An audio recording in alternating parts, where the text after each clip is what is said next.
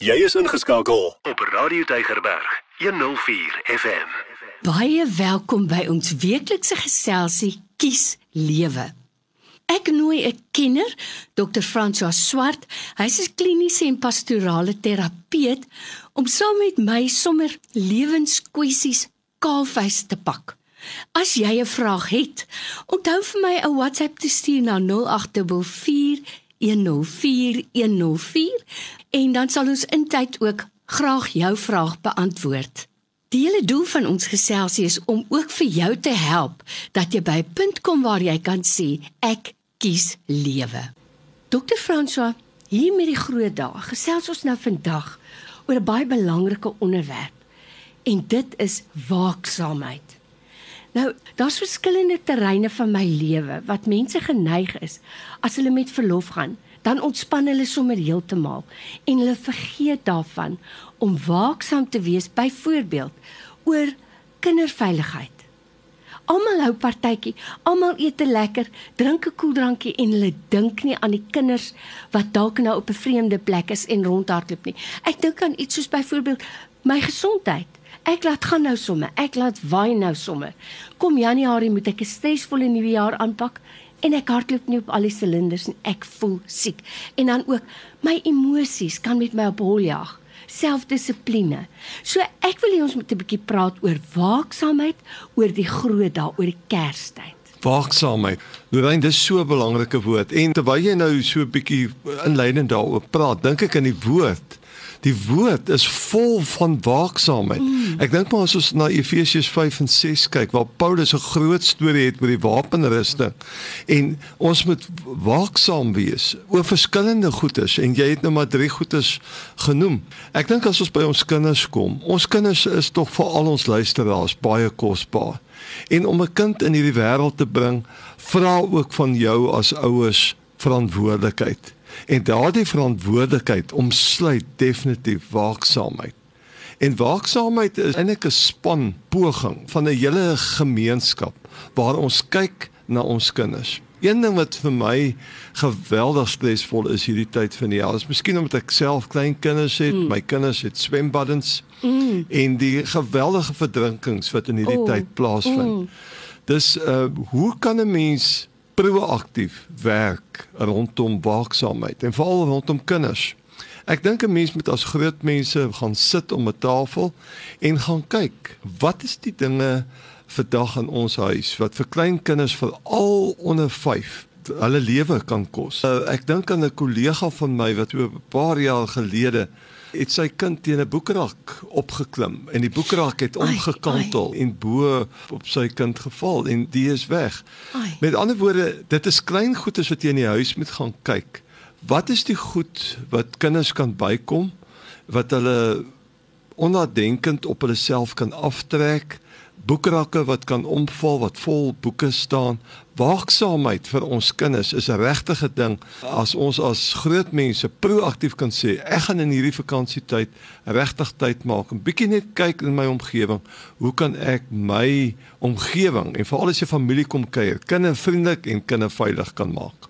Sjoe, dokter François, dit is 'n groot ding wat jy nou sê en 'n mens kan gerus 'n bietjie meer tyd aan die kinders deurbring en bewus wees te alle tye van waar hulle is. Maar 'n baie belangrike ding in ons inleiding het jy genoem. En ek het dit nou nie eers self gesê nie, maar dit is seker vir my voorop van alles. Geestelike waaksaamheid. Kom ons staan gou stil daarby, want die wêreld bombardeer ons met soveel versoekings. Hoe soos wat ons lees in Psalms, hoe kan 'n jongeling, maar ook ons, ons weg suiwer hou? Die groot ding is, dis adventstyd, dis Kersfeestyd en dat mense as gelowiges veral praat oor hoe kan ons ons lewens so inrig dat ons regtig lyk soos Kersfeesmense. Mense wat 'n verhaal in ons ronddra en wat bewus is dat die feestyd al die liggies, al die pragtige groen bome, alles wat ons rondom ons het, alles wat blink, wil eintlik van ons 'n ander waarheid kom gee. En dit is die groot boodskap van Jesus. En dat 'n mens 'n gesprek het en net te loops vir iemand vra, weet jy in hierdie tyd, wat beteken Jesus vir jou? En net te luister daarna om ook na mense se pyn te luister uh, in hierdie tyd. Ons het net nou gehoor van mense wat kinders verloor onder mm. tragiese omstandighede. Mm. En ons is die laaste hierso Lorraine om te kom sê dat ouers wat kinders op 'n tragiese 'n manier verloor het in 'n swembad of 'n boekrag wat op hulle val dat daai ouers nie waaksaam was Nooit. nie. Die punt mm. wat ons net wil maak is dat dit lyk vir my ons moet leer uit uit mekaar se lewens mm. en se verhale mm. en dan met ons hierdie baie belangrike beginsel van waaksaamheid rondom ons gesondheid moet ek 'n bietjie meer stap nie uh, is dit nie tyd dat ek meer op 'n klein bordjie eet as op 'n groot mm. bord nie? Moet ek dalk 'n bietjie minder eet nie? Ek is waaksaam, ek is bewus van my bloeddruk. Ek is bewus van my bloedsuiker. Ek leef bewustelik en ek ek waak daaroor en ek het in elke geval 'n verantwoordelikheid om 'n rentmeester te wees mm. oor my liggaam, die manier hoe ek kuier, die manier hoe ek my omgewing bestuur. Waaksaamheid dink ek is 'n groot roeping wat die Here vir ons elkeen gegee het as gelowiges. Nou by my in die ateljee vandag, ek weet vir dokter Fransoos Swart. Hy is 'n kliniese en pastorale terapeut en hy staan sy tyd af om met jou en met my te kom gesels oor verhoudings, oor die lewe. En ons wil vir jou help om uiteindelik by 'n punt te kom waar jy ook sê, ek kies lewe. Dokter Fransoos, wanneer dit kom by waaksaamheid oor my emosies, is dit tog al vir my 'n moeilike ding. Vir baie mense is dit makliker om jou emosies in toom te hou soos 'n perd. Vir ander mense is dit moeiliker. Maar veral nou waar verskillende geslagte bymekaar kom, mense van ver en van naby met verskillende idees, maar almal wil nou bymekaar wees. Ek weet nie altyd nie, hoe kan 'n mens jou emosies beheer? Dat jy nie die vierhoutjie in die droë gras is nie. Ons is mos nou hoe kan 'n somer Kersfees? 'n Somer Kersfees, mense is geneig om in die hoogsomer baie geagiteerd te mm. wees. Hulle raak maklik geïrriteerd, hulle raak maklik gefrustreerd.